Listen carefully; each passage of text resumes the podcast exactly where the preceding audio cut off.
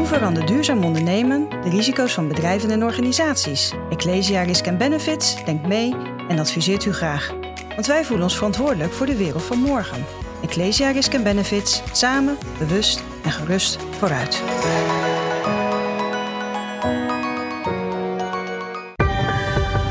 Ecosofie wordt mede mogelijk gemaakt door Renewy. Renewy. Minder nieuw, meer renew. Want afval bestaat niet. Hoe breng je economie, ecologie en filosofie in balans? Daarover gaat Ecosofie, de podcast waarin Marnix Kluiters in gesprek gaat met experts over het verduurzamen van de samenleving. Onlangs heb ik Barbara Baarsma geïnterviewd over groene groei. Daarop werd ik benaderd door Winne van Woerden, uh, verantwoordelijk voor uh, de Degrowth and Care Economy agenda bij Commons Network. Uh, Winne, jij benaderde mij omdat er ook een andere kijk op groei is, namelijk de postgroei-agenda. En je zei, binnenkort komen we daarmee uit met een boek. Het komt deze week uit. Uh, ik haalde het laatst ook al aan de actueel aflevering. Er is leven na de groei. Uh, iets kan andere kijk op die groei en hoe we daarmee om moeten gaan. Een hele relevante discussie gaan we vandaag over in gesprek. Um, jij bent betrokken uh, als een van de schrijvers van het schrijverscollectief onder leiding van Paul Schendeling, waarin jullie ja, ook ingaan op een bepaald aantal beleidsinstrumenten. Maar wij gaan het vooral hebben over ja, die hele kijk op hoe we om moeten gaan met groei. Ik start altijd met een grote vraag. Wat zou jij veranderen aan de wereld als je het hier voor het zeggen zou hebben? Oeh, de grote vraag aan het begin in plaats van aan het eind. Um, ik zou uh, misschien een beetje een inkoppertje, maar ik zou een wereld uh, voor me zien waarin groei uh, niet meer het uitgangspunt, is voor een gezonde samenleving, voor maatschappelijk welzijn. En waar we in plaats daarvan ons richten op het voorzien van menselijke basisbehoeftes binnen de grenzen van de planeet. Ja, en dat is onder andere waar dit boek over ging, waar je je mee bezighoudt bij het Commons Network. Um, zou je er eens wat meer over kunnen vertellen wat jij precies doet? Want je bent ook nog bezig met een master uh, over die, die growth vanuit Jason Hickel ook, onder andere. ja, wie ben je wat doe je precies? Ja, um, ik werk voor Commons Network, zoals je net zei, waar ik het Degrowth and Care Economy programma leid. Um, en Commons Network is een, we noemen onszelf een werkplaats is een beetje een stomme Nederlandse vertaling van het mooiere Engelse woord collaboratory. Um, werkplaats voor de sociaal-ecologische transitie. En we houden ons bezig met uh, nieuwe economische modellen, uh, beleidsinstrumenten voor een samenleving die uh, rechtvaardig, zorgzaam en duurzaam is. Um, dus we werken eigenlijk samen met, um, nou ja, met onderzoekers, met beleidsmakers, met activisten en brengen die inzichten en bewegingen bij elkaar. Als een soort van denktank. Dat, zo, zo kan je ons ook zien. En uh, zoals je zei, ben ik inderdaad, uh, dat, dat, dat doe ik niet de hele week. Um, ik uh, ben ook bezig met part-time met dus een Degrowth Master. dat is een master vanuit de Barcelona Universiteit. Specifiek heet die Degrowth Ecology, Economy and Policy. Um, en onder andere inderdaad met Jason Hickel als professor. Ja, bekend van het boek Less is More, wat eigenlijk Precies. een beetje het bekendste boek over degrowth Ja, is, nou, dat komt misschien nou nog op, maar dat is heel interessant. Dat komt pas uit 2019. En Degrowth-beweging is echt veel uh, ouder dan dat. Maar hij is echt op dit moment uh, zeker een, uh, nou ja, de, de figuur binnen de beweging. omdat hij gewoon een hele goede, ja, een hele goede communicator is ook. Um, en daar zich heel erg op richt op het verbreden van, um, van, van het discours naar het publieke debat eigenlijk. En uit die academie trekken. Ja, en nou ja, dus dat verder woon ik in Amsterdam. Um, hou ik heel erg veel van buiten zijn en van buitensport. Ja, en dat heeft allemaal te maken met waar je dus voor pleit, ook minder werken, et cetera. Wat gekoppeld is aan misschien wel minder groeien op economisch gebied. Ja. Nou, daar was Barbara Baarsma het niet mee eens. Daar wil ik straks wat meer over, over weten hoe we dit tegen elkaar kunnen afzetten. Want jij zei, joh, wij hebben een iets ander idee over hoe we ja, het beste naar welzijn kunnen kijken eigenlijk. Hè? Dat is waar het over gaat. Mhm. En dan is mijn impliciete vraag natuurlijk, want we hebben al een aantal termen gehad. We hebben degrowth, wat letterlijk vertaald ontgroei is. Dan hebben jullie het in het boek specifiek over postgroei, wat volgens mij best wel dicht tegen elkaar aan ligt, maar best wel wat nuance ook over, over zijn. En we hebben groene groei. Maar laten we beginnen met wat er, waar jullie in het boek over praten, dat is postgroei. Wat is dat? Ja, um, postgroei zou je kunnen zien als een visie op een alternatieve uh, economie en maatschappij, uh, waarin uh, groei, um, de gedachte dat de economie moet groeien, wordt losgelaten. Ehm, dus het idee dat groei een vereiste is voor maatschappelijk welzijn. En in plaats daarvan wordt er gekeken naar andere doelen. dus je moet, kan daarvoor bijvoorbeeld ook denken aan best wel bekende donut-economie uh, van Kate Rayward, waarin zij uh, heel erg op die planetaire grenzen focust en sociale minimum. En daarvoor dus een, een donut als metafoor gebruikt. Maar ook de welzijnseconomie van Catherine Trebek of de uh, well-being economy, zoals zij het noemt. Um, is eigenlijk een manier om niet meer um, uh, en, ja, om te kijken van hoe kunnen we um, de, de focus van de economie verschuiven van alsmaar groei naar, naar andere, andere doelen, andere indicatoren. dus daarmee is Postgroei is zowel een visie uh, als dus een soort van uh, denkkader, maar het is ook zeker een beweging. Um, dus het is, je kan het zien als een sociale beweging, maar ook een beweging van dus onderzoekers, van pleitbezorgers, mensen die zich bezighouden met ja, nieuw economisch denken. voor, een, voor een radicaal andere economie, zoals we die nu zeker in het Westen kennen. Ja, en dat, wat, wat, wat is er zo radicaal anders aan? Dat is eigenlijk dat we uh, nu altijd wil inzetten en eigenlijk ook het BBP natuurlijk als maatstaf hebben genomen met um, ja, hoe goed het gaat met een samenleving. Nou, daar is inmiddels al heel lang heel veel kritiek op en dat begint ook wel te verschuiven. Maar waar jullie met name ook kritiek op hebben, is dat er nu dan gepleit wordt voor groene groei. Dus dat we op een groene manier zouden moeten groeien. En jullie zeggen eigenlijk ja, um, maar het hele probleem is de economische groei. Waarin zit dat dat het probleem is? Precies. Ja, ja kijk, um, het is inderdaad, het, het, het, woord wat veel gebruikt wordt in literatuur is uh, het groeïsme. uh, dus het eigenlijk een, um, kan het, zou het kunnen zien als een ideologie, uh, een groeideologie. Dus het idee dat groei nodig zou zijn voor, um, voor, voor een welvarende economie, voor vooruitgang, maar ook voor het behalen van duurzaamheidsdoelen, voor het behalen van de sociale indicatoren. Um, uh, de, groei zou, zou iets zijn wat, um, ja, wat, wat, wat uh, prima te verenigen is met sociaal-ecologische uh, sociaal-ecologische um, ideeën en, en ideologieën. Die, degrowth, en, of laten we eerst houden bij postgroei. Postgroei zegt eigenlijk dat, dat, nou, dat het een mythe is, dat dat onzin is. En dat we er zijn verschillende redenen voor. En de belangrijkste, daar, uh, de, belangrijkste om het daarover te hebben gaat uh, onder andere over waarom groene groei specifiek um, heel problematisch is. Dus ik denk dat het nuttig is om vooral daarop te focussen, omdat zeker nu in, uh, in, nou ja, binnen, binnen de klimaatdiscussies en omdat we ons nou, nou zo richten op duurzaamheidsagenda, zitten midden in een ecologische crisis heeft dat idee van die groene groei is, is echt iets wat in opmars komt. Um, dus ik denk uh, voor mij, en, en, en eigenlijk als je kijkt naar de literatuur, zijn er verschillende redenen waarom, uh, waarom groene groei niet werkt. Want eigenlijk, hè, dat betekent dat je nog steeds aanhoudt op dat we willen dat de economie groeit, mm -hmm. maar dat je de negatieve externe effecten gaat beprijzen. Ja, dus uh, het groene groei gaat, gaat eigenlijk uit van de uh, aanname dat we um, uh, economische activiteit kunnen loskoppelen van milieu-impact.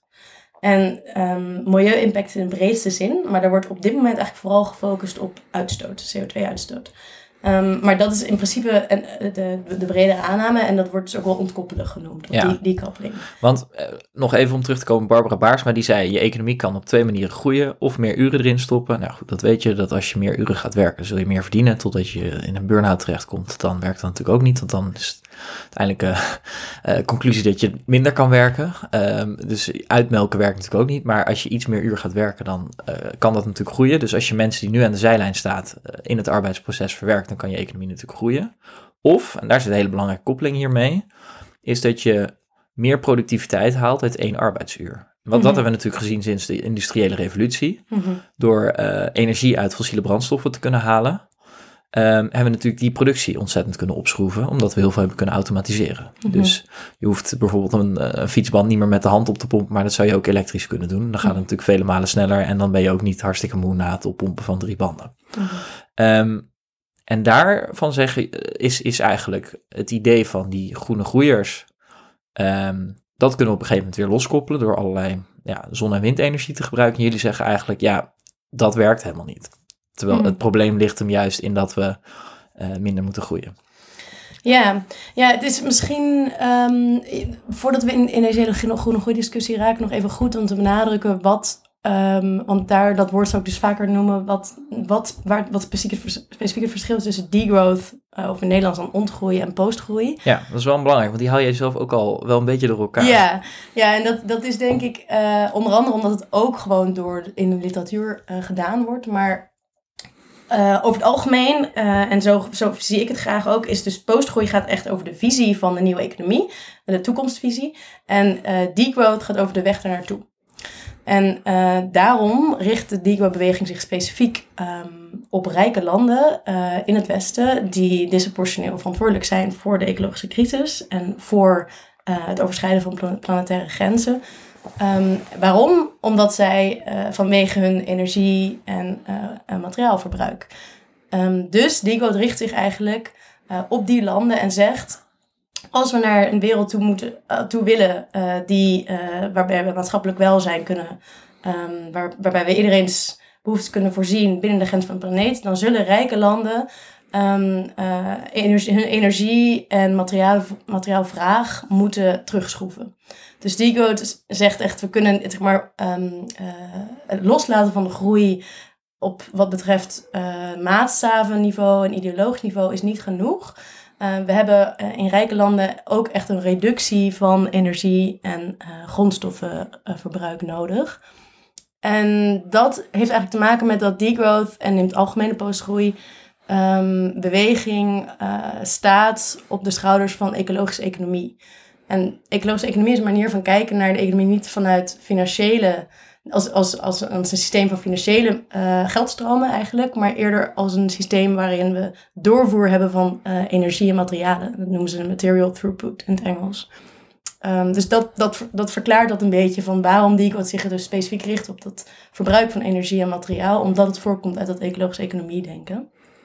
Ehm, dus dat. En wat misschien daarbij leuk is om te zeggen, is eh, dat ehm, hoewel dus het postgroeidenken echt bezig is met een wereldwijde opmars, ehm, onder andere omdat we, waar we dus zo meteen denk ik op zullen komen, de, de groene groeigedachte steeds meer begint te wankelen, is het iets wat al veel langer, in, wat, wat, wat veel langer bekend is en wat ehm, eigenlijk eh, de, zijn wortels heeft in de jaren 70 en 80, eh, toen dat überhaupt het, het milieudenken eh, en, en best wel een ding werd. Ja, met het rapport van Grens aan de Groei natuurlijk Precies. als, als bijzonder Belangrijk kenmerkend moment. punt, denk ik, Ja, wat daarin te noemen valt. Ja, exactly. Het was echt een belangrijk kantelpunt in de duurzaamheidsdiscussie. Je had toen de eerste grote VN-bijeenkomsten, eerste grote klimaattoppen. Ehm, en inderdaad in 72 de Limits to Growth. Um, Jaap Tielbeke heeft er net een mooi rap- een over geschreven hoe dat in Nederland ook daarna is geland. Eh, we waren gewaarschuwd, heet het. En ehm de degrowth was dus eigenlijk een reactie op, eh, op, de, op dat, die gedachte van duurzame ontwikkeling. Ehm, dus er wordt nu ook wel eens gezegd, groene groei is eigenlijk niet meer dan gewoon een reïntegratie van, van, van sustainable development. Ehm, het gaat over het verbinden van eh, development met sustainable. Om het verbinden van groei met groen. En Digo dus noemde dat toen al, ehm, in, een mooi woord een oxymoron. Dus een soort van contradictie in zichzelf. Dus je kan niet zeggen, we gaan, bezig, we gaan ons bezighouden met duurzaamheidsdoeleinden en we gaan ook eh, eh, groei vasthouden. Of we gaan ons ook eh, eh, blijven eh, focussen op ontwikkeling. Dus dat is een beetje, ja, dat is misschien leuk om te begrijpen dat het dus echt een langere, niet iets wat, wat van dit, dit, dit decennium is of zo, maar echt sinds Het begint hoogstens wat urgenter te worden. ja, het is hoogst urgenter en de beweging is ehm, gegroeid. Ehm, de Digo-beweging is gegroeid, maar ook veel diverser geworden. Ehm, dus het blijft, eh, de Digo-beweging richt zich eh, dus juist omdat het voorkomt uit, dat, eh, uit, uit eh, klimaatrechtvaardigheidsprincipes. dus alleen landen die disproportioneel verantwoordelijk zijn, moeten hun economie, eh, moeten, moeten hun, hun energie- en grondstoffenverbruik naar beneden schroeven. Um, maar tegelijkertijd verbindt het zich ook heel erg met um, maatschappelijke bewegingen in, uh, in, in het mondiale zuiden. Met de environmental justice movement, met uh, decoloniale bewegingen. Uh, ook met feministische groepen. als je het hebt over hoe kunnen we de economie dus meer focussen op principes als zorgzaamheid.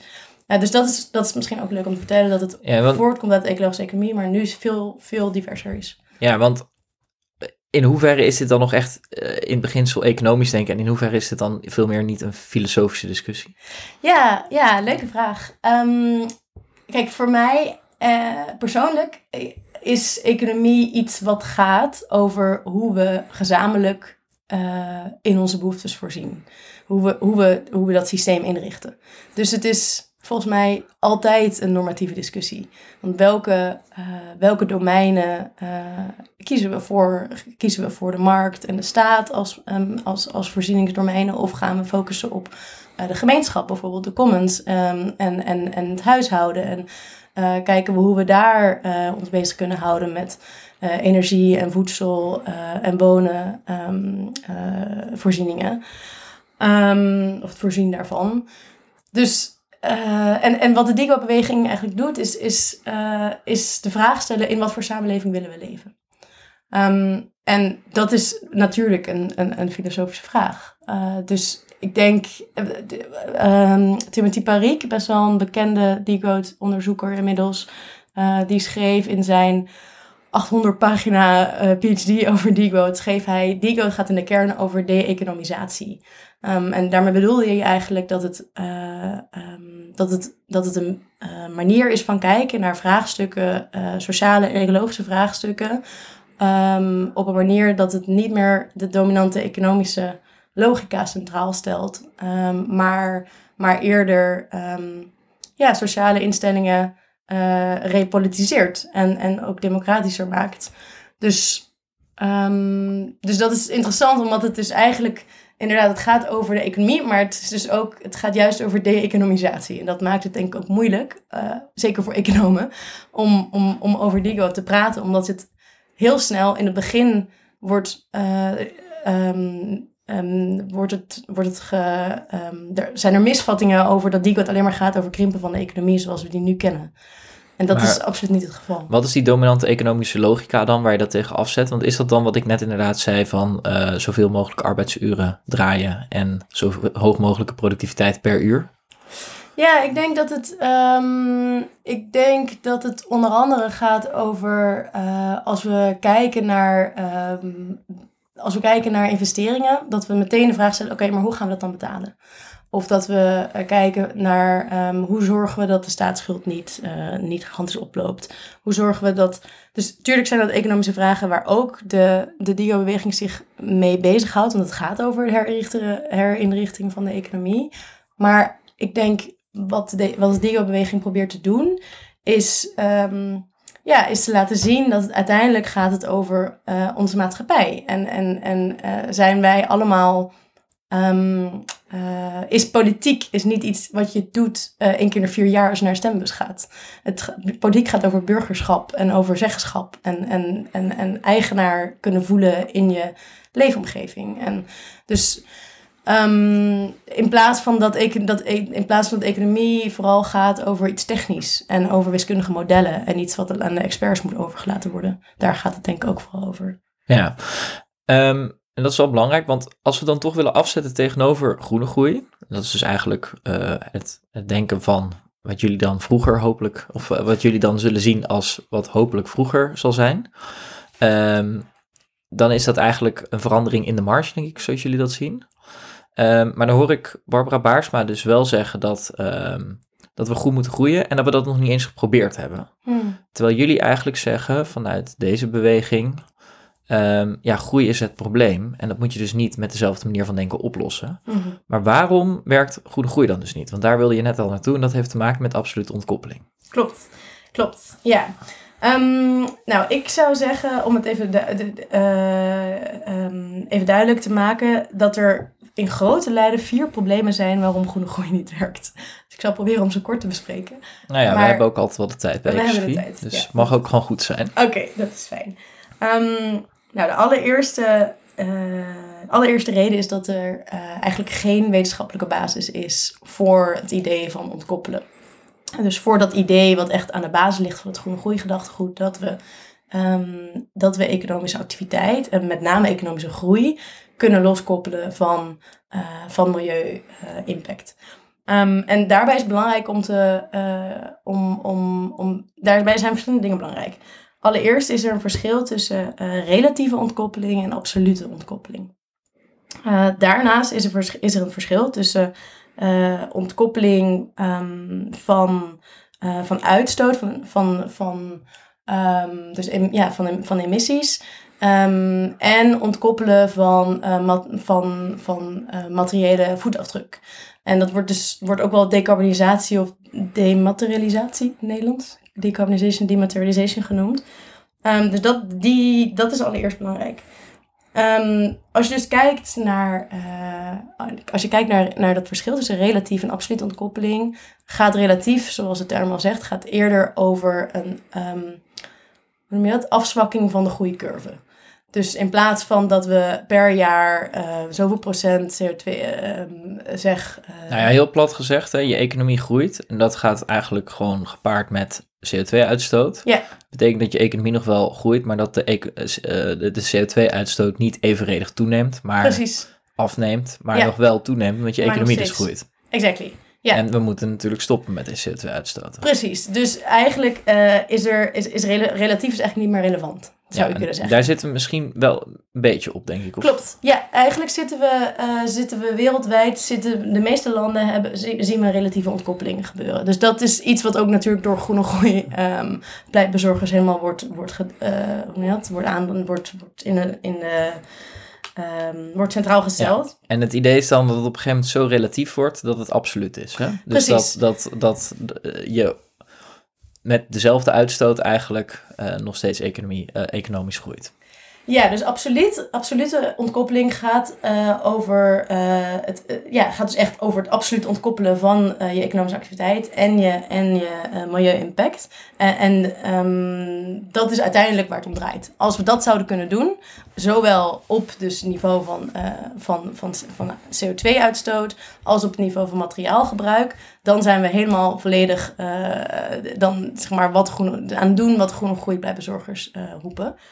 Nou, daar is, eh, als je kijkt naar, ehm, naar decarbonisatie, zien we dat er nu een aantal landen zijn die, eh, waar we absolute, dus absolute ontkoppeling van eh, CO2 zien. Ehm, met name in het Westen. Dus Nederland is daar één van. Ehm, en eigenlijk een aantal landen in Europa zien we dat dat de afgelopen jaar aan het gebeuren is. Het probleem daarbij is dat het niet genoeg is. En het probleem daarbij vooral is, is dat we niet eh, in een tijd zitten waarbij we moeten kijken van oké, wat is er technologisch haal, wat is er technologisch gezien haalbaar of wat kunnen we, eh, dat, dat het niet gaat over technologische uitdagingen, maar dat het gaat over tijd. Ehm, dus wetenschappers hebben uitgerekend dat we eh, te maken hebben met een, met een carbon budget, zoals dat heet, een koolstofbudget, van ongeveer zeven jaar, als we binnen die anderhalve graad opwarming willen blijven. Dus we zullen, eh, ehm, en dat we, eh, eh, als we dus binnen die anderhalve opgaan willen blijven, dat we dan bij voor eh 2050, dat we dan helemaal naar een klimaatneutrale economie moeten. Nou, dat is dus ehm, eh, ontzettend snel. Als je het hebt over zeven jaar volledig ontkoppeld kunnen zijn. En eh, dus, dus het gaat echt over, dit, over dat tijdsvraagstuk en niet per se over de technologische uitdaging. Ja, dus je zegt, misschien kan dat wel. Stel, het zou in 2100 kunnen, dan zijn we gewoon veel te laat. Ja, absoluut, absoluut. Dus dat, ehm, dat als, als eerste. En als je het dan hebt over eh, eh, het ontkoppelen van materiaalverbruik, dus dematerialization, zien we dat dat helemaal niet gaande is. Ehm, dus er is, wat dat betreft, is er zelfs een periode van rematerialization geweest, eh, vlak voor de eeuwenwisseling. Ehm, en daar zal ik later nog op komen. Maar in ieder geval eh, nou ja, weten we dus dat daar helemaal geen empirisch bewijs voor is. Ja, maar dat is een heel, heel belangrijk punt. Hè? Want we zien nu dat er best wel een, een, sterke focus is op CO2-uitstoot. Ja. Nou, heel goed dat er heel veel aandacht is voor het klimaatprobleem. Maar Jan Rotmans die roept dat ook al wel vaker, eh, de Ja. transitieprofessor. Het echte probleem is grondstoffen. Precies. Ehm, want eh, als we dat even de- tot, tot de auto's betrekken, hè, ehm, dan is het heel goed qua uitstoot om te, eh, elektrisch te rijden. Al duurt dat ook vijf jaar voordat je dat eruit hebt eh, aan alle materiaal. In het begin is eh, het alleen maar meer. eh, ja, dus dat is ook een investering letterlijk. Maar er zijn dus veel meer zeldzame metalen voor nodig. Absoluut. En als iedereen dat dus wil doen, Ja. dan lopen we daar tegen de Exactly. eh, tegen, de, tegen de lamp. ja, En dat is precies het probleem, toch? Precies. Dus dat we, als we dat doen, dan druk je de ene knop in, krijg je gewoon een waterbed-effect naar het andere probleem. exactly. Ja, dus eigenlijk kom ik daarmee op mijn tweede, eh, bij- dus mijn tweede probleem van de vier grote problemen. En dat is dat eh, wat ik eerder in een artikel, eh, hoe ik het in een artikel heb genoemd en hoe we het ook in ons boek noemen, dat groene groei eigenlijk vanuit een carbon tunnel redeneert.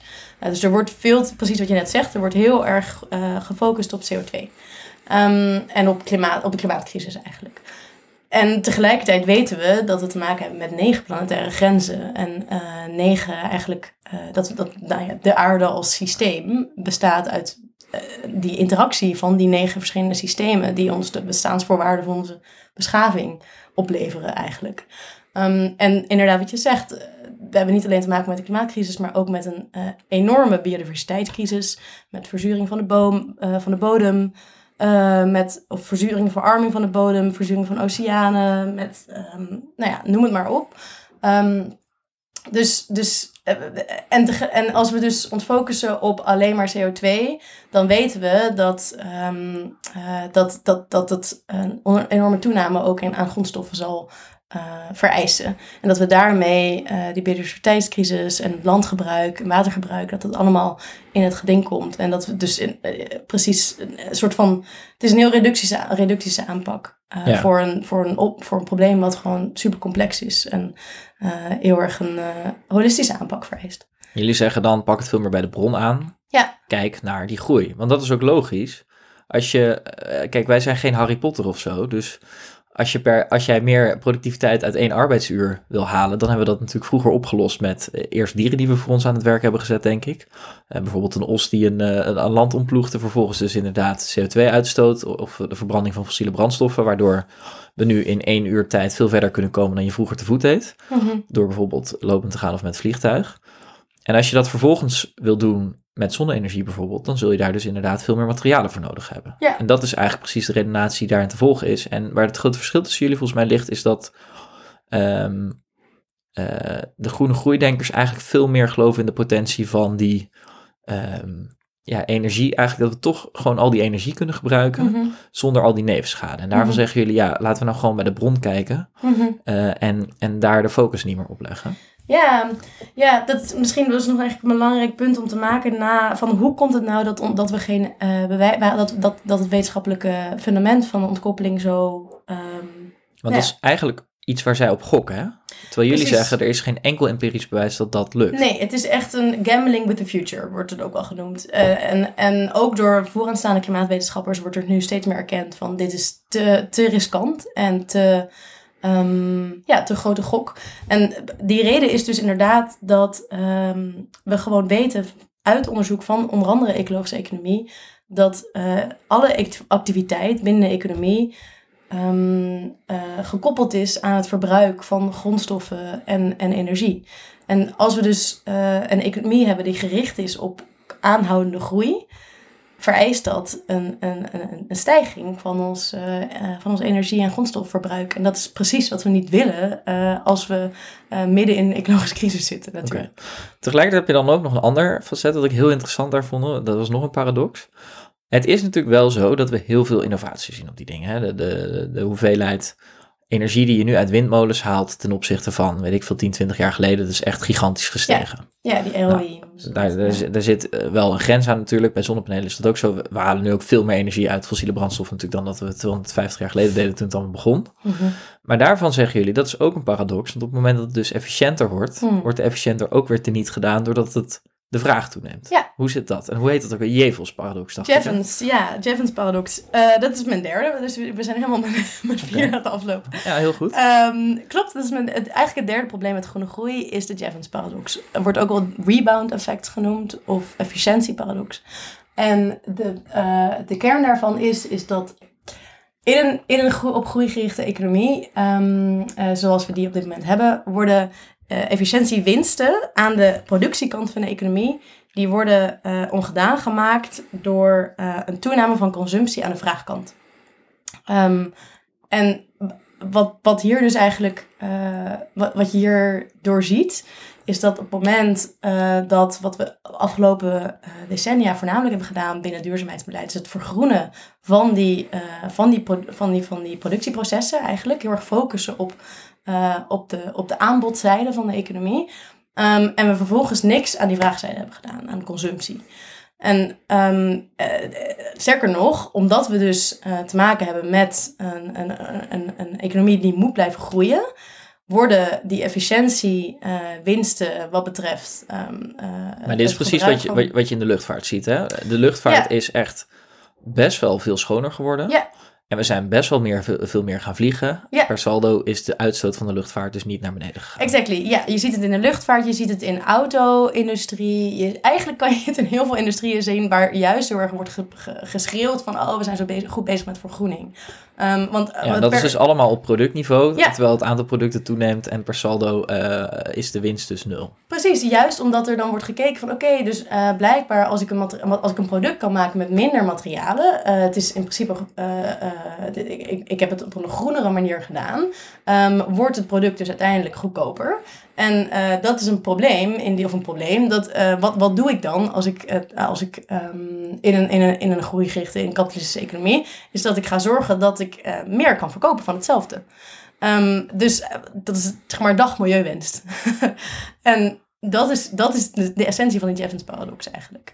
Dus, dus alles wat we, ja, alles, alle winsten die we halen aan, product, aan de productiekant worden, worden ongedaan gemaakt aan, aan de consumptiekant. En Um, wat interessant is, is dat eigenlijk uh, pas nu, uh, onder andere in het laatste IPCC-rapport, er steeds meer wordt gefocust op uh, dus, um, maatregelen aan die vraagkantzijde. In het IPCC-rapport noemen ze dat demand-based solutions. Um, en dus heel erg kijken van oké, okay, wat kunnen we doen om die consumptie nou aan te pakken en te zorgen dat we eigenlijk die Jevons paradox, dat we die, dat we, dat, nou, dat we die, uh, dat we, dat we daar te, dat we die tegenhouden, dat we, dat we daaruit. Ja, maar dat is eigenlijk, en daar heb ik zelf ook wel eens voor gepleit, gaat aan de vraagkant doen. Dat is ja. waar we straks komen op jullie kernmaatregelen, ja. het boek ook uit, daar gaan we het meer over hebben. Ja. Maar jullie zijn niet tegen innovatie. Nee, dus dat is een belangrijke mythe. Dat, dat, dat een vliegtuig schoner wordt. En ik denk uiteindelijk, ja, vliegen is heel lastig duurzaam te doen. Dus ik denk dat vliegen hier een verkeerde voorbeeld is. Maar laten we die wel even gebruiken. Ja. Het is wel fijn dat vliegen schoner wordt natuurlijk. Tuurlijk, tuurlijk. Nee, absoluut. Dat is denk ik ook iets wat vaak, uh, waar de Digo-beweging vaak van, van wordt um, beschuldigd. Op een, uh, en, en niet terecht, denk ik. Um, uh, Uiteraard uh, moeten we uh, in, in deze tijd alles doen op het gebied van groene innovatie en op het gebied van hernieuwbare uh, energie en groene, en, en, en, groene technologie. Maar um, het probleem waar we nu, waar groene groeidenkers in zitten en waar we in het algemeen um, nu veel zien, is dat het afleidt van wat er daadwerkelijk nodig is. Het is een soort van technocratische manier van kijken naar het klimaatprobleem. In plaats van kijken naar het terugschroeven van de, van de vraag, van de energie- en grondstofvervraag, denken we dat het genoeg is om uh, die groei gewoon te vergroenen en, en, en ons ja, te focussen op technologie alleen.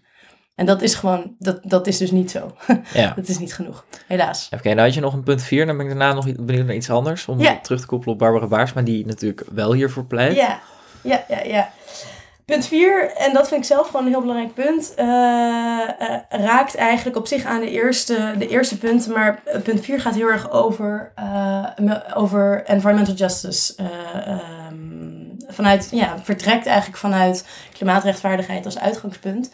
En, um, zegt eigenlijk het groene groeigedachte is een uh, voortzetting van koloniale houding. Uh, want uh, we weten dat de, de, de groei in het noorden, in, in het mondiale noorden, afhankelijk is van een toe-eigening van grondstoffen en arbeid uit landen in het mondiale zuiden.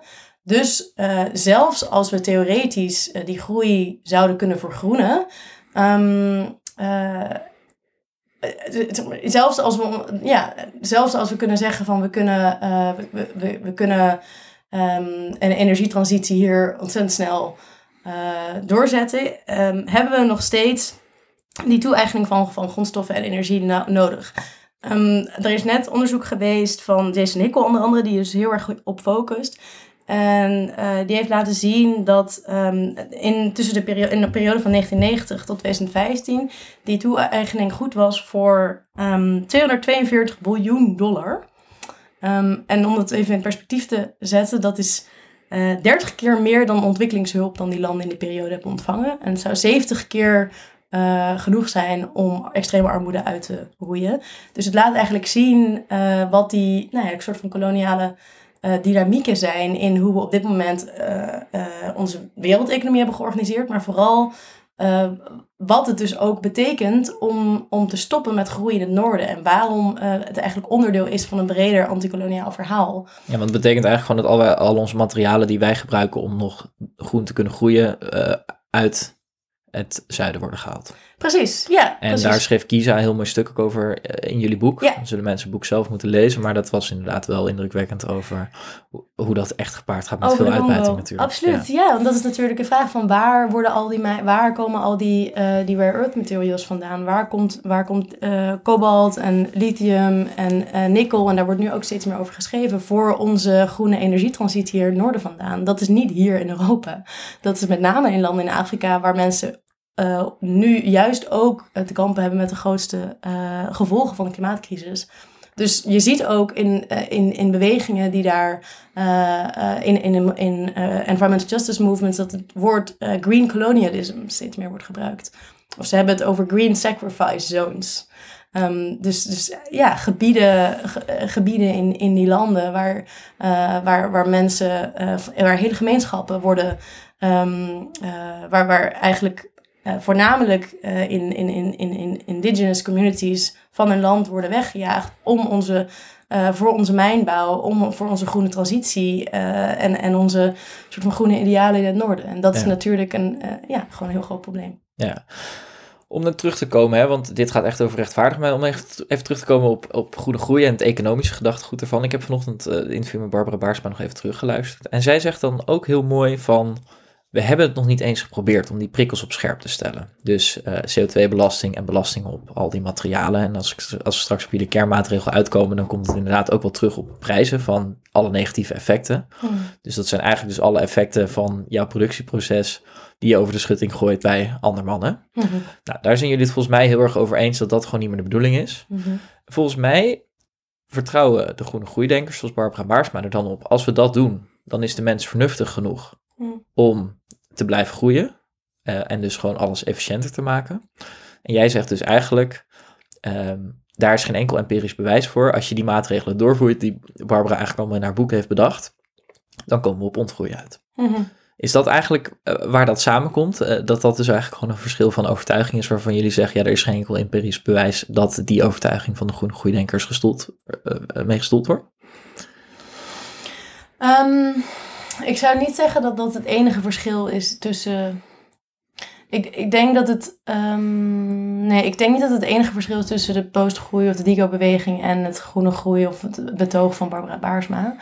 Mm, ik denk dat er nog meer, dat het nog dieper gaat dan dat. Ja, dus die, dus, maar dat is een stuk filosofie, waar ja. veel meer die overtuiging. Maar ik denk wel als jullie, want jullie stellen ook wel een heel aantal maatregelen op die best wel gewoon in elkaars lijn liggen. Ja waarvan de ene partij dan denkt, dan kunnen wij als mens blijven groeien. En jullie denken, nou, dat kan dus als mens niet. En daar zit denk ik wel een heel fundamenteel verschil. Klopt. Dus.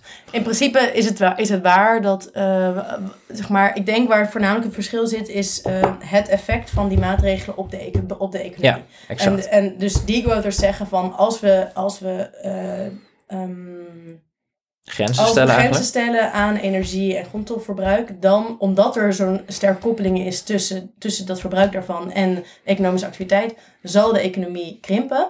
En het is dus belangrijk dat we, bereid, dat we voorbereid zijn daarop. En dat we kijken van hoe, hoe kunnen we die krimp, um, uh, uh, de, hoe kunnen we die transitie eigenlijk op een rechtvaardige uh, manier um, uh, ja, in gang zetten. En dus het, is, dus het is eigenlijk gewoon voorbereid zijn op, die, op, op, op, dat scenario dat we, uh, dat we, dat we um, ja, iedereen in maatschappelijk wel, dat maatschappelijk welzijn willen behouden in een, in een scenario van minder economische groei. Ja, en als we het nou hebben over dat maatschappelijk welzijn, hè, want dat is heel belangrijk. Ik heb zelf laatst eh, een mooie trailer gemaakt. Daarin zeg ik, en nou, ik heb, jij bent geloof ik nummer 87 die ik interview, of 88.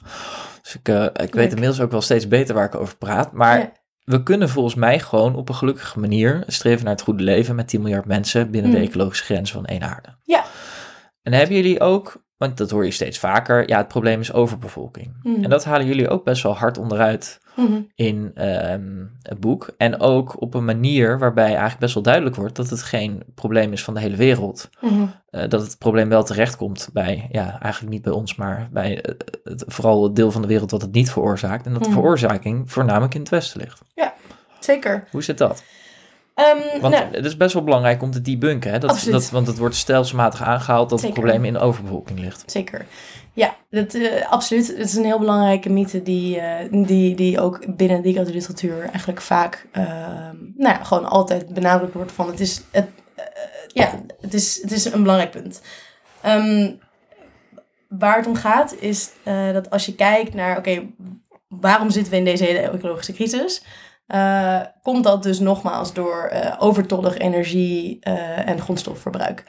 Als je dan kijkt waar dat vandaan komt, dan weten we uit onderzoek, recent onderzoek, ook weer van Jason Hickel, belangrijk figuur dus, ehm, dat eh 92% van het, als je het hebt alleen maar over, de, over CO2, over uitstoot, 92% van, van die uitstoot die verantwoordelijk, die, die de klimaatcrisis heeft veroorzaakt, ehm, komt uit eh, westerse landen in het mondiale zuiden.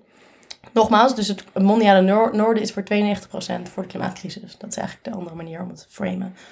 Eh, tegelijkertijd weten we dat het overgrote deel van de wereldbevolking niet in deze landen woont. Ehm, maar juist in, in het mondiale zuiden. Terwijl dus juist die landen maar voor 8% verantwoordelijk zijn eh, voor overtollig energieverbruik. Eh, dat, dat als eerste. En als je kijkt naar, ehm, naar eh, grondstoffen, eh, ligt het ongeveer hetzelfde. Ligt het onge- ongeveer rond de 80%. Ehm, en we weten dus dat, dat materiaalverbruik met name heel erg gelinkt aan de biodiversiteitscrisis die we, waar we nu ook in zitten. Ehm, dus, dus dat als eerste. Oxfam heeft ook uitgerekend, vond ik ook wel sterke getallen, dat tussen 1990 en 2015 ehm, de rijkste 10% verantwoordelijk was voor de helft, eh, de helft van, alle, van de wereldwijde uitstoot. Eh, en dat eh, de rijkste 1% ehm 30 keer meer uitstoten dan de onderste helft.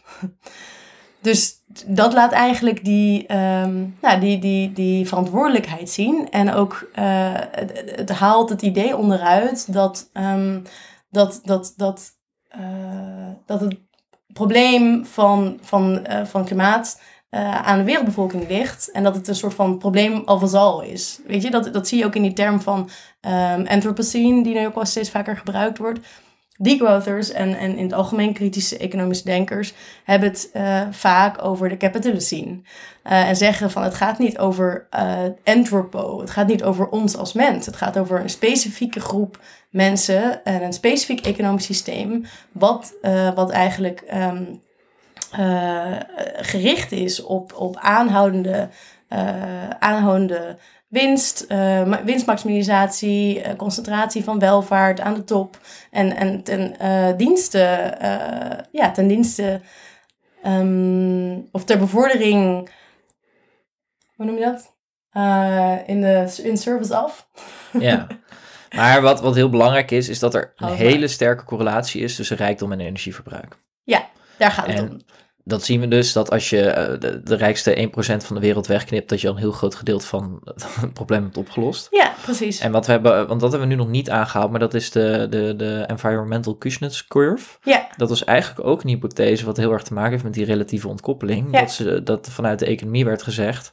Ehm, ja, op het moment dat de eh, economie, eh, of dat mensen rijker worden, zie je eigenlijk eerst dat de vervuiling toeneemt en daarna afneemt. Mhm. Nou, dat zijn ze toen opnieuw gaan onderzoeken. Ja. Toen bleek dat inderdaad dan heel veel van de productie verplaatst werd naar lage loonlanden en dat eh, vervuiling daar plaatsvond. Dus als je het integraal zou bekijken, dat dat helemaal niet klopte natuurlijk, want Ja. dat kan niet de hele wereld doen. Nee, inderdaad. Ehm, maar wat ik ook wel sterk vond, was dat in jullie boek dus ook een voorbeeld stond dat de voetafdruk, en als je hem dan uitdrukt in de vruchtbare grond, dan is er één hectare geloof ik beschikbaar per Ja. wereldbewoner ongeveer. Aha. En als je het daarin uitdrukt dat die van een Nederlander ook echt ver daarboven uitkomt. En die van een Ethiopiër geloof ik ver daaronder zit. Weet jij dat voorbeeld ook uit je hoofd? Ik kan me ook voorstellen dat je niet alles van het boek uit je hoofd weet. Nee, klopt. Volgens mij lag het uh, uh, in de. Um, ha, volgens mij was het verschil in 3000, factor 3000. Ja. Dus een, uh, een Nederlander um, heeft een ecologische voetafdruk die 3000 keer zo hoog is als een Ethiopiër. En we doen daar een rekensommetje om te om, uh, en we, spe we, stellen specifiek het, uh, het, voorbeeld van Ethiopië, omdat Ethiopië een van de landen is met de hoogste uh, um, wereldbevolkingsgroei. Um, maar de, de, ja, groei van wereld, van, sorry, niet Groei, wereldbevolking, grootste bevolkingsgroei daar. Um, en, en we doen dus een rekensom van uitgaande van, van de groei van die bevolking. Uh, uh, wat, wat, zien we dan over 40 jaar? En het blijkt dan dus dat het absoluut nog steeds het geval is dat een Nederlander dan veel, uh, veel grotere ecologische voetafdruk heeft. Of ne Nederland als land um, dan, dan Ethiopië. Ja. Um, maar tegelijkertijd um, is het dan niet zo dat als die Ethiopiërs gelukkiger worden, want ik denk dat wij allebei niet graag in Ethiopië zouden willen leven, leven dat die impact van de Ethiopiërs ook flink toeneemt. Want rijkdom gaat natuurlijk in bepaalde mate ook wel gepaard met geluk. Ja, dat is zeker zo. Um, maar het is, en dat is denk ik waar, waar, waar uh, dat, is, dat is wat de postgroeibeweging ook probeert te laten zien, is dat rijkdom uh, en, en, en geluk zijn zeker gekoppeld, maar eigenlijk maar tot een bepaald punt.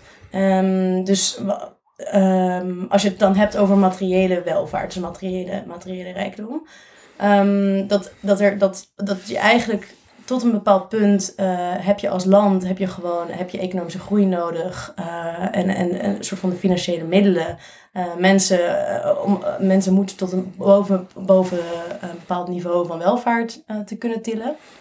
Um, maar na dat punt, en dat is een punt wat eigenlijk alle landen in het Westen al zijn gepasseerd, vertaalt die overtollige overtollige economische groei, overtollige welvaart, zich helemaal niet zozeer in meer geluk. Um, sterker nog, uh, we zien uit mijn hoofd volgens mij dat in Nederland um, de, um, de, de, de, uh, de gelukscijfers helemaal niet zijn toegenomen. Terwijl ons welvaartsniveau. Dit moet ik eigenlijk even opzoeken voordat ik het zeg. Wacht. Heel even kleine break. Je hebt heel even wat opgezocht. Kleine correctie op wat je net zei over de ecologische voetafdruk van Ethiopiërs versus Nederlanders? Ja, uh, dus de ecologische voetafdruk van een Nederlander is 3650 procent. Dat is iets anders dan keer, maar nog steeds veel groter dan die van een Ethiopiër. Ja, absoluut. Uh, groter dan de voetafdruk van een Ethiopiër. Oké. Okay. Belangrijk verschil. En je ging even opzoeken om te kijken wat um, welvaart en welzijn, uh, hoe dat uit de pas is gaan lopen. Hè? Want wat je eigenlijk zei is dat welvaart en welzijn in het begin wel heel erg sterk aan elkaar gecorreleerd zijn, maar dat dat punt op een gegeven moment eigenlijk, uh, dat die lijnen dan op een gegeven moment uh, niet meer gelijk lopen. Ja, klopt. Um, dus dat is heel mooi te zien in een, uh, um, in een maatstaaf die ook wel Gross Progress Indicator wordt genoemd. Um, of GPI, waarbij we zien dat eigenlijk vanaf de jaren 60 in veel landen in het Westen Um, uh, ten, eigenlijk niet meer in plaats van dat we dus zijn gaan groeien. Als je, als je dus kijkt, dus je houdt eigenlijk die GPI naast GDP. En terwijl GDP is blijven toenemen, is de GPI is afgenomen vanaf de jaren 60. En dat komt omdat die GPI die neemt dus uh, um, staan indicatoren zoals geluk en, um, ja, en welbevinden staan veel centraler, maar ook ecologische impact van de economie, milieu-impact. Um, en als je dus kijkt naar Nederland, het voorbeeld dat we in het boek aanhalen is dat we weten dat we in Nederland sinds de jaren 60 van de vorige eeuw is de consumptie per huishouden vervijfvoudigd, terwijl het geluksniveau gelijk gebleven is. Ja, ik, weet, ik ben er toch altijd wel sceptisch over. Dat we in 60 jaar tijd eigenlijk geen vooruitgang geboekt zouden hebben, zeg je dan? Nou, ik denk niet vooruit. Kijk, vooruitgang is natuurlijk een heel breed begrip. Um, ik denk op zich persoonlijk dat, dat, dat wordt ook wel de, de, de, de golden years of capitalism genoemd, hè, na, de, na de Tweede Wereldoorlog. En dat we eigenlijk, dus die drie, die drie decennia daarna, dat we vanaf de jaren tachtig um, met, met, met Thatcherisme en veganisme en, en een soort van uh, ja, neoliberaal kapitalisme, dat we uh, voornamelijk ik denk dat we, onge- en, of niet ik denk, maar je ziet dat de, de, de ongelijkheid, zeker als je het hebt over vermogensongelijkheid in, eh, in, in welvarende landen, alleen maar is toegenomen sindsdien. Dat de eh, klima klimaatcrisis alleen maar is, is verergerd. Ehm, en dat we ook wereldwijd eh, veel, grotere, veel grotere verschillen zien tussen rijkdom ehm, en eh, tussen, ja, tussen landen. Ehm, dus niet alleen binnen landen, maar ook tussen landen. Dus ik denk dat het hier wel belangrijk is, is om te begrijpen dat, dat dingen die we hebben behaald afgelopen decennia, wat betreft op het gebied van vrouwenrechten, op het gebied van LGBTIQ plus rechten, op het gebied van ehm, eh, op het gebied van racisme, op allemaal soort van eh, ja, voor, voor, vooruitgangs, eh, wat, wat betreft vooruitgang, dat dat niet per se ehm, eh, het gevolg is geweest van een, economie, van een economie gericht op groei of zo. Het is niet, het, is denk, het zijn niet de verdiensten van het kapitalisme geweest. Het zijn de verdiensten van sociale bewegingen geweest. En dat was in een tijd van economische groei en economische welvaart. Maar ik denk dat we nu in een periode zitten en dat is eh, een woord wat, ehm, ehm, wat Catherine Trebek gebruikt in haar well-being economy betoog. Eh, the, economics, the economics of arrival noemt zij het. Dus rijke landen, eh, eh, in rijke landen zou, moeten zich niet meer richten op Ze die... zijn gewoon op plaats van bestemming. Ja, zijn plaats van voorziening, bestemming. voorziening in materiële, materiële behoeften. Want dat Precies. is eigenlijk waar welvaart om draait, hè? Ja, Het voorzien in je materiële behoeften. Toch ben ik wel benieuwd hoe je dit dan precies bedoelt. Zeg je dan eigenlijk van, nou ja goed, laten we zeggen dat het in de jaren tachtig dus niet meer echt vooruit gegaan is door economische groei. Zeg je dan dus eigenlijk van, ik had prima in de jaren tachtig ook eh, kunnen leven. Dat had qua geluksniveau niet uitgemaakt. Ik weet toevallig dat dat voor mijzelf, specifiek omdat ik heel slechtziend ben en gebruik maak van heel veel software, wel het geval was. Dus ik Mm. denk dat mensen met een beperking wel heel erg geprofiteerd hebben van deze tijd. Of zeg je, eh, ja, de vooruitgang komt niet door de economische groei, maar door allerlei andere zaken. Of een combinatie van beide. Ehm, alle, eh, kijk, ehm, ik denk dat het gewoon heel erg belangrijk is om economische groei los te koppelen van vooruitgang en van maatschappelijk welzijn. En eh, ik denk dat we absoluut de technologische innovatie die we hebben geboekt de afgelopen jaren, dat we dat moeten applaudisseren. En eh, dat we zeker in een tijd leven waarin we inderdaad eh, ook willen gebruik blijven maken van die innovatie en van die technologieën. Ehm, maar dat het absoluut niet, eh, ja, nogmaals inderdaad, dus niet het gevolg is geweest van economische groei of dat het een vereiste was. We weten dat, dat echt grootschalige, zeg maar grote ehm, maatschappelijke eh, innovaties en vooral eigenlijk technologische veranderingen, eh, zoals de smartphone, zoals eh, het internet, dat dat niet per se door, ehm, eh, door ehm, ja, door grote bedrijven op de markt en het kapitalisme kwam, maar gewoon door grootschalige overheids. eh, Ja, dat is eigenlijk het werk van Mariana Mazzucato. Hè? Dat ze heel mooi uit in het boek De Ondernemende Staat. Exactly, ja. Waarin zij ja, eigenlijk betoogt dat eh, die bedrijven Die maar de laatste... state. Ja, dat Ja. dat eigenlijk eh, de laatste schakel in eh, de keten was. Ja. Terwijl het Ja. internet geloof ik uit het leger komt en Precies. dus de touchscreen bijvoorbeeld ook. Inderdaad, dus echt het, bela- gewoon het belang van publieke investeringen voor grote, grote technologische veranderingen. Ehm, en ik denk ook niet dat we moeten.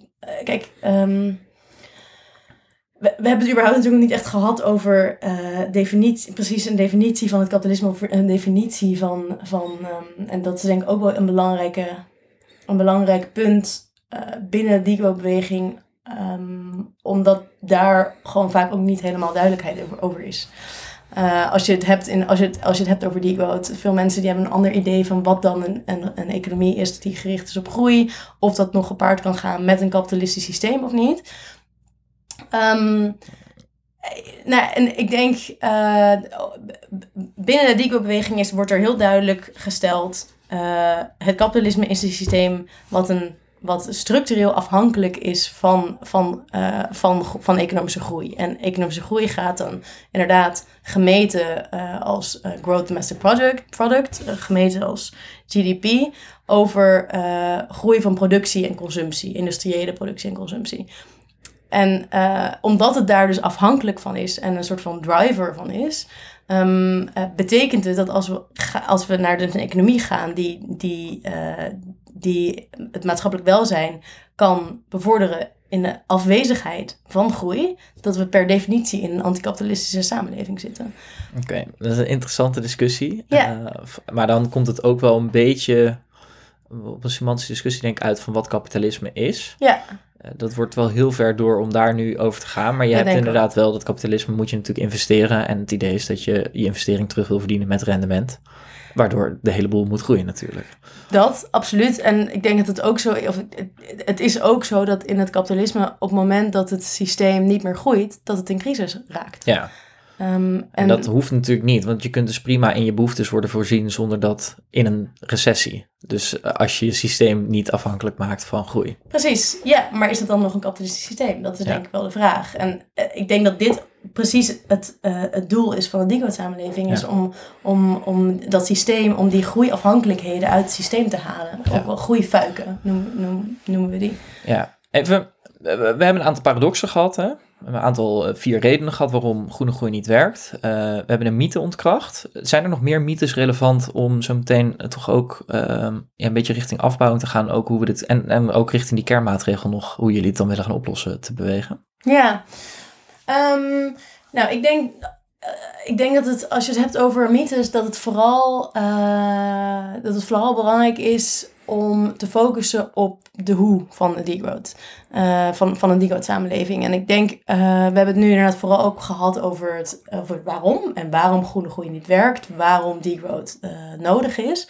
Maar en dat is denk ik ook een focus die zeker in het begin van de degrowth, degrowth literatuur heel erg waar heel erg op gefocust werd.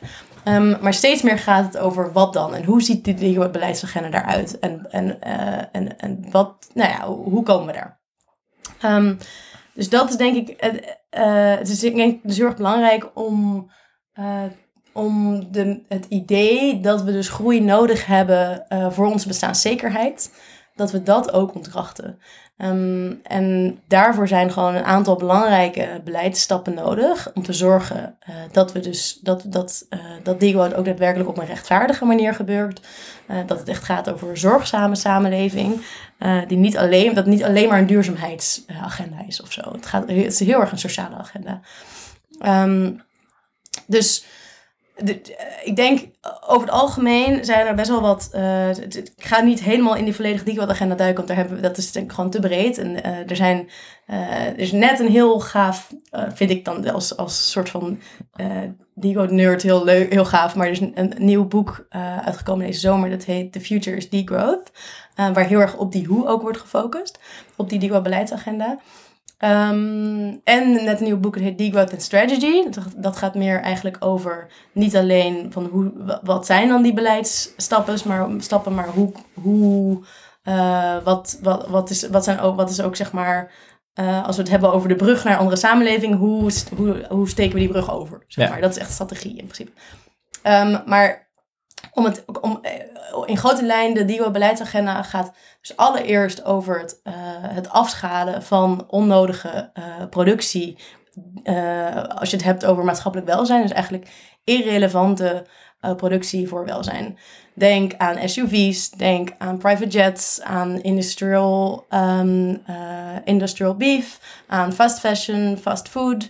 Alles wat op dit moment eh, gigantisch, eh, gigantische voetafdruk, ecologische voetafdruk eh, heeft. Alles waar je misschien ook een beetje intuïtief wel van kan bedenken dat Ja. we niet per se nodig hebben om gelukkig voor te zijn. Ja, maar denk ook aan ingebouwde veroudering in producten. En denk vooral ook aan eh, reclame. Reclame voor eh, consumptie die absoluut niet nodig is. Ja, ik vooral vond- fossiele reclame. Ik vond het heel interessant. Ik heb een podcast zitten luisteren, nog niet helemaal af. Dat heet Hoge Bomen. Dan gaan ze in op een supermarktketen en er zit Hmm. een neuropsycholoog uit te leggen dat hij een bedrijf heeft. Mhm. Waarin die vertelt hoe jouw winkelkarretje zo vol mogelijk kan zijn. Het begint al bij het Hmm. winkelkarretje. Want op het moment dat je dus winkelkarretje gebruikt in plaats van een mandje, Mhm. stop je er meer producten in. Mhm. En alle groenten staan aan het begin, zodat je eerst denkt heel gezond bezig te zijn. Ja, Want dan ja. kun je het allemaal opvullen met eh Ja, ongezonde rotzooi. Ja, dit is natuurlijk zo'n typisch voorbeeld. dat de supermarkt benut, uh, beloond wordt op het feit wie met de meeste producten naar, naar buiten loopt. En daar moeten we dus eigenlijk vanaf. Daar kunnen we allemaal van, wel van bedenken dat dat niet per se iets is waar we beter van worden. Ja, maar denk ook dat, uh, dat er onderzoek laat zien dat tijdens uh, belangrijke, dat tijdens momenten van belangrijke politieke besluitmaking, dat uh, de fossiele reclame alleen maar toeneemt. Dus we worden nu tijdens de kop straks in Egypte, zal de reclame voor Shell, voor Vattenfall, voor Eneco met hun soort van groene, van je kan, je kan offset your carbons, wij zijn voorlopers van de groene, uh, groene transitie, die nemen alleen maar toe om die soort van public mindset alleen maar te beïnvloeden en het idee te hebben dat, we, dat, we, dat bedrijven er goed bezig zijn. Als je het hebt over die gigantische grote bedrijven dan. Dus, dus reclame is, um, ja, is gewoon een heel erg belangrijke manier om, die, uh, om, om, om, om onze consumptie te beïnvloeden. En dat, uh, dat is denk ik ook een, iets waar de Digo-beweging zich heel erg op probeert te focussen. Is te zeggen van, uh, we hebben te maken met maatschappelijke problemen die een structurele oorzaak hebben. En uh, het is dus niet zo dat we ons moeten focussen alleen op uh, een soort van individuele gedragsverandering. Maar we, we zitten in een systeem wat, die, wat het gedrag stimuleert. En in een economie ja, precies die gericht wat ik net groei, zei, toch? Zoals je de supermarkt doorloopt, dat je uh, gestuurd... Ja, dan kun je wel zeggen, ik, ik word ik er heel bewust van, maar... Ja de automaat, de, de, de, glijbaan is afgesteld op. Uh, Precies, en je moet omhoog lopen systeem, om, om, om er tegenin te zwemmen. Ja, het hele systeem waar wij in zitten schreeuwt: uh, consumeer, consumeer, consumeer. Super moeilijk om dan te gaan zeggen: we moeten minder consumeren. Zonder dat je al die, al die uh, stimula, stim, stim, stimulatiefactoren zeg maar, aanpakt. Zonder ja. dat je die structurele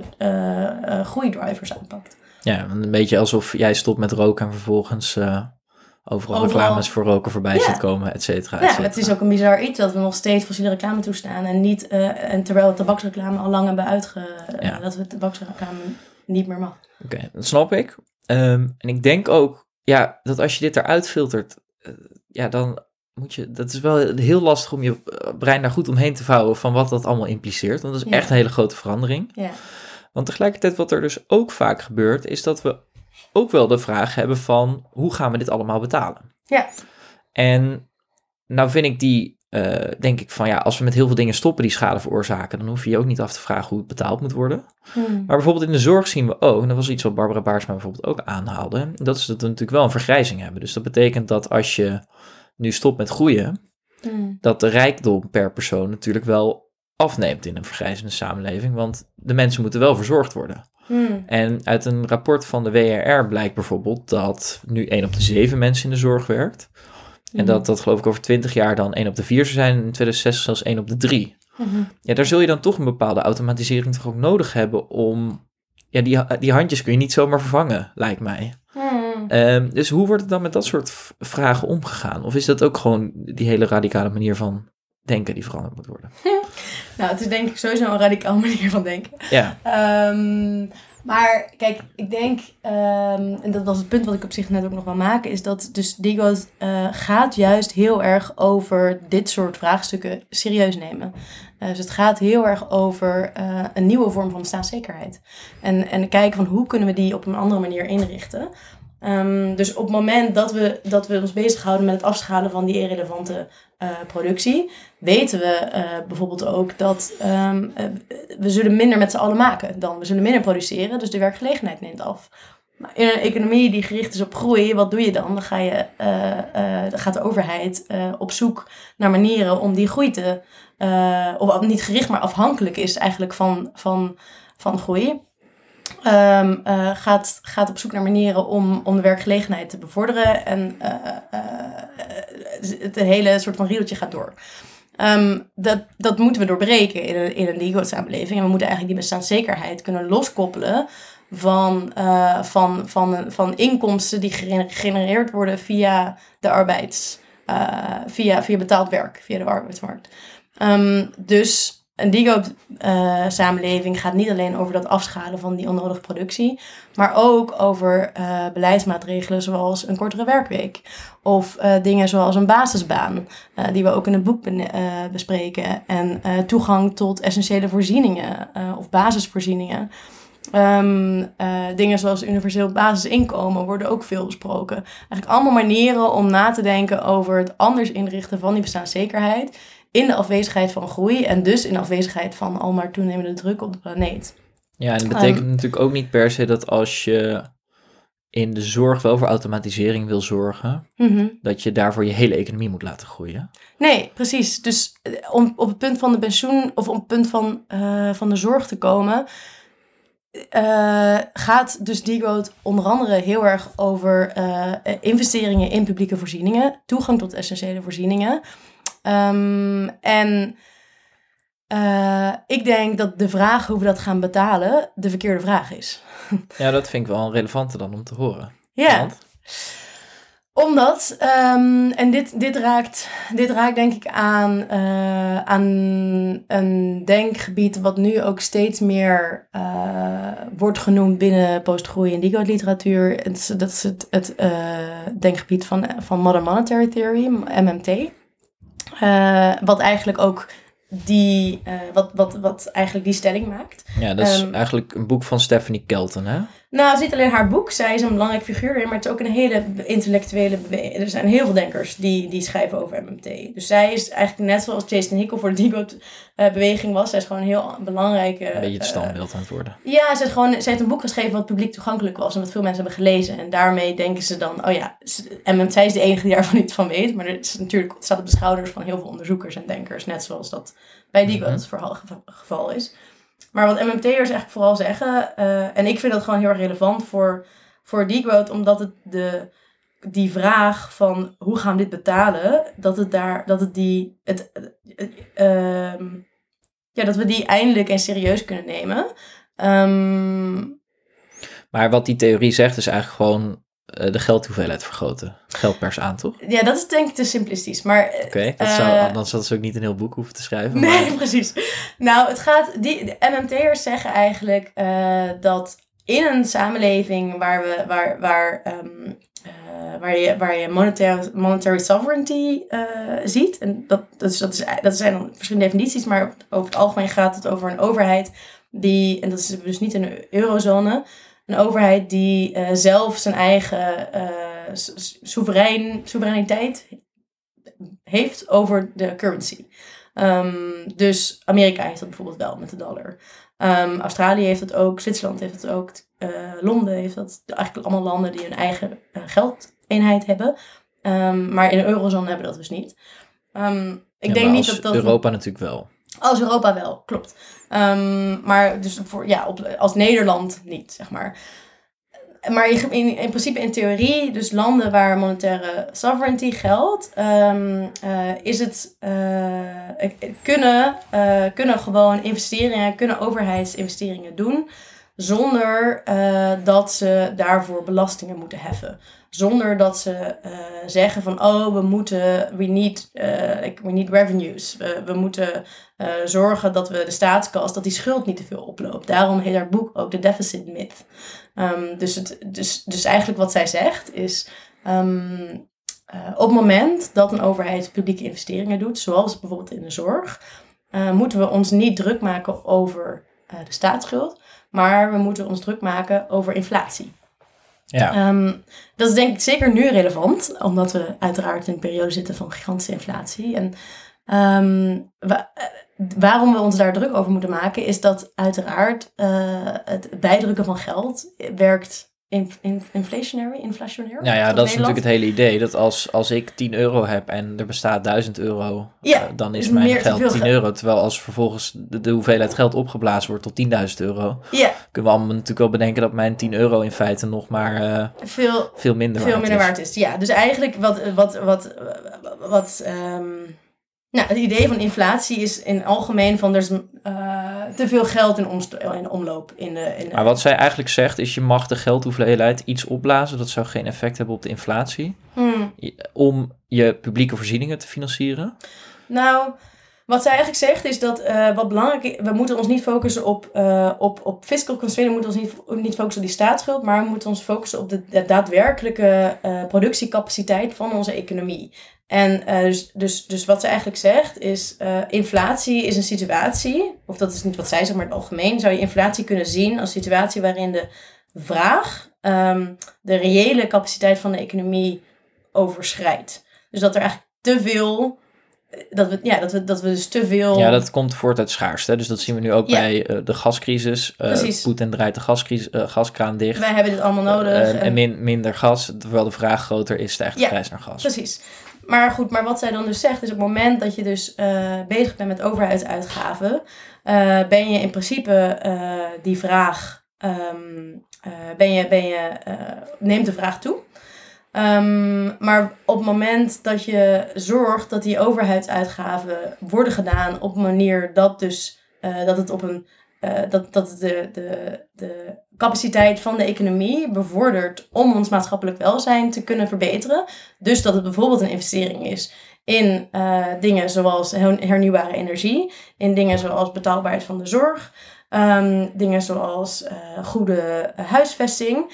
Uh, en we dus eigenlijk die, die, die capaciteiten van onze economie ja, dus dan uh, zeg je eigenlijk, benutten. Dan zeg je eigenlijk, goed, Poetin draait de gaskraan dicht. Mm -hmm. We investeren als overheid in warmtepompen. Ja. Waardoor de hoeveelheid waardoor we, warmte eigenlijk hetzelfde blijft en dus de, de, de, prijs niet stijgt. Ja, dus eigenlijk zit je in een situatie waar een soort van Um, uh, more money is chasing more, more meaningful goods and services in, ja. in het Engels. Dus, dus je, je, je, je zit in een situatie waarin de vraag toeneemt, maar waar je ook zorgt dat die, dat die, die, die, die maatschappelijk relevante capaciteit van de economie toeneemt. Ja. En, en daarnaast is het denk ik belangrijk om uh, ook uh, te zeggen van naast dus het investeren in, dus in, in, in, in, die, in die reële capaciteit. Um, kunnen belastingen een manier zijn om die, of zijn belastingen een manier om die vraag weer uit de, uh, uit de economie te trekken.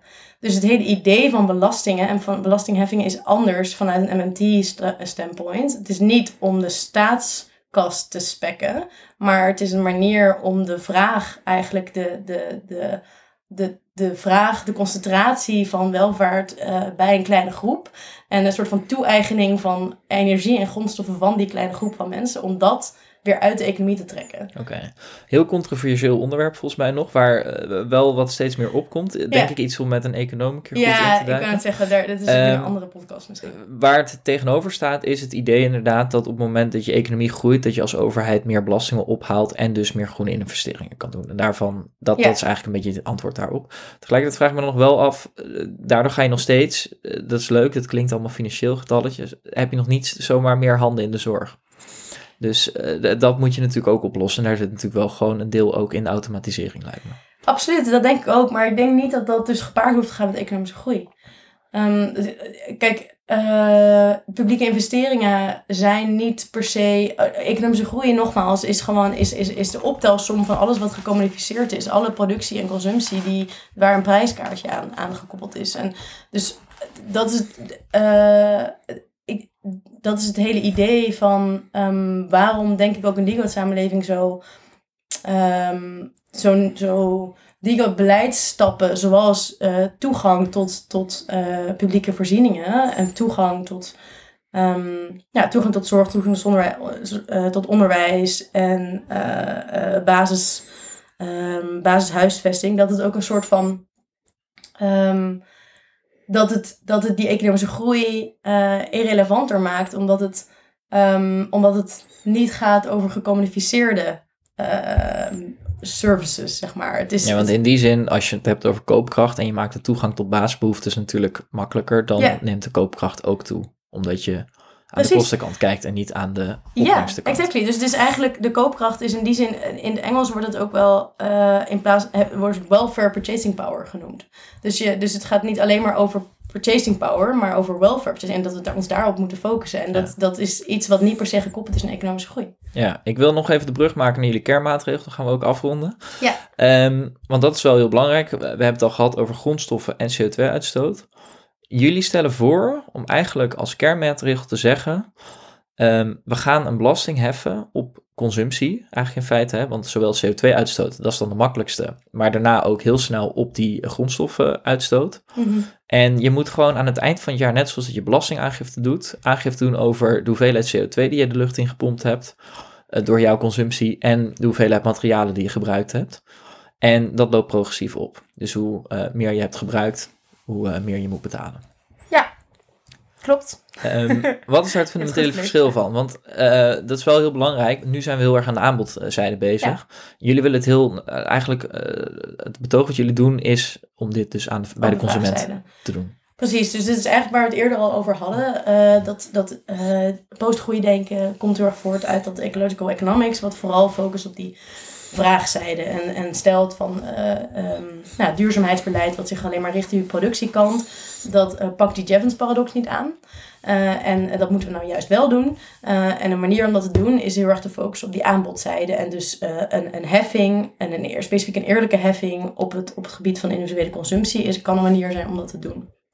Ehm, dus er zijn verschillende, verschillende redenen die we in het boek bespreken waarom we hiervoor pleiten. Onder andere ook dat Nederland dit bijvoorbeeld gewoon kan invoeren zonder dat het op Europees niveau eh, moet. Het, het zou mooi zijn om het ook op Europees niveau te doen, maar het kan in ieder geval zo gewoon op nationaal niveau worden ingevoerd.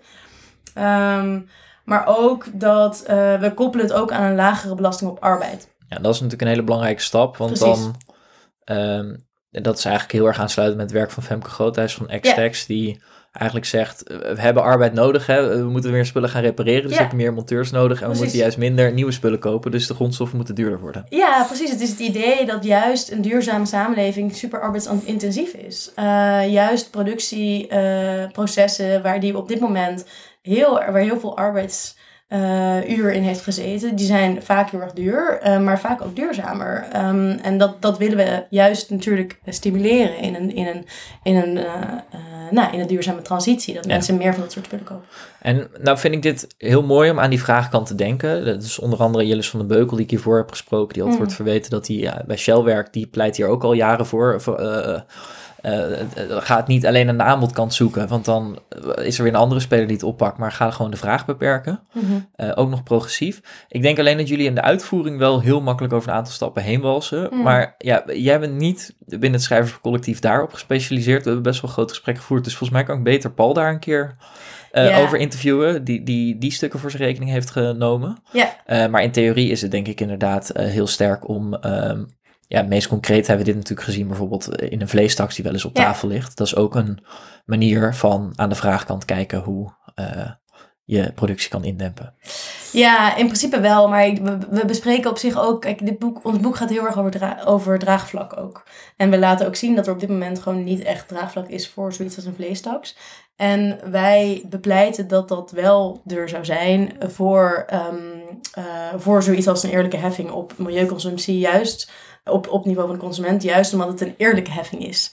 En omdat het voornamelijk eh, die mensen zal eh, schaden die eh disproportioneel meer consumeren. En het overgrote deel van Nederlanders dus niet. Ja, want je hebt iemand die in een tochtig huis zit en zijn huis niet kan isoleren, die betaalt daar heel weinig belasting Precies. over.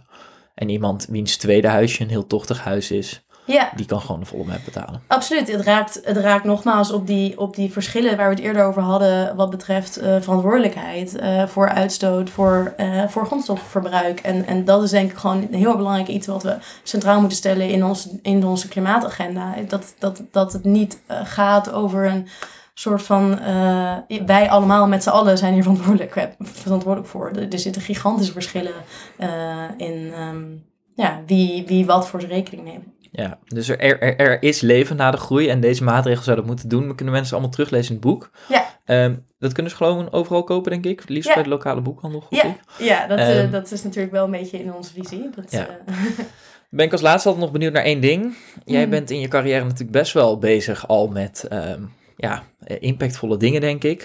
Nadenken over hoe we de wereld voor moeten geven. Wat zou je mensen willen geven die nu aan de start van hun carrière staan? Ehm, ik denk, kijk, ik, wat ik heel erg, eh, wat ik ehm, sowieso super motiverend vind en inspirerend, is dat ik het gevoel heb dat de generatie onder mij, dus eigenlijk eh, mensen die nu, jongeren die nu beginnen eh, met studeren, dat die al veel bewuster zijn over de uh, grenzen aan groei, eigenlijk, heel breed, gezegd. Maar de, in principe de problemen met die, die bewuster zijn van de problemen met onze huidige economie. En um, wat ik zou meegeven is dat je vooral dat het, dat het super energie uh, gevend kan zijn om je ook vooral bezig te houden met alternatieven. En, en vooral ook die zorgen uh, over klimaat, over, uh, over, onze, over de toekomst, over op dit moment natuurlijk over, over de kosten van energie, um, over de biodiversiteit. Of, nou ja, je kan het echt over, over huizen. dat, om dat niet allemaal te internaliseren of zo en in iets individueels te maken, maar je vooral aansluit bij sociale bewegingen. En, en, en dus vooral ook gezamenlijk je bezig te houden met, met, met alternatieven voor een ander soort economie. Uh, die zijn er. en dat is wat mij denk ik wel heel erg um, ja, op de been houdt en heeft gehouden. Is om te kijken naar die, naar, naar die andere, andere manieren van, van de toekomst inrichten. En dat voor mij, ik heb dat gevonden in Degrowth. Maar er zijn denk ik allemaal ja, bewegingen en denkkaders waar je dat in kan vinden. Ja, we moeten in ieder geval nog een hoop doen om tot die duurzame wereld te komen. Jij bent volgens mij nog niet klaar met het schrijven van dit boek. Je hebt ook al een eerder boek geschreven over degrowth. Ja. Onderzoek gaat door, volgens mij master ook nog niet afgerond. Nee. Als mensen ook die master willen doen in Barcelona dus. Maar jij zit niet altijd in Barcelona volgens mij. Hè? Nee, nee, nee. Ik, uh, en ik kan natuurlijk ook niet, ik kan alleen maar met de trein gaan. Dat, uh... Ja, er gaat vanaf 2023 geloof ik ja, weer een directe verbinding. Ja, er gaat een nachttrein. Ik heb deze zomer heel veel in interrail treinen gezeten. En de Duitse baan, moet ik zeggen, was niet altijd heel erg vriendelijk voor mij. Um, specifiek Duitsland.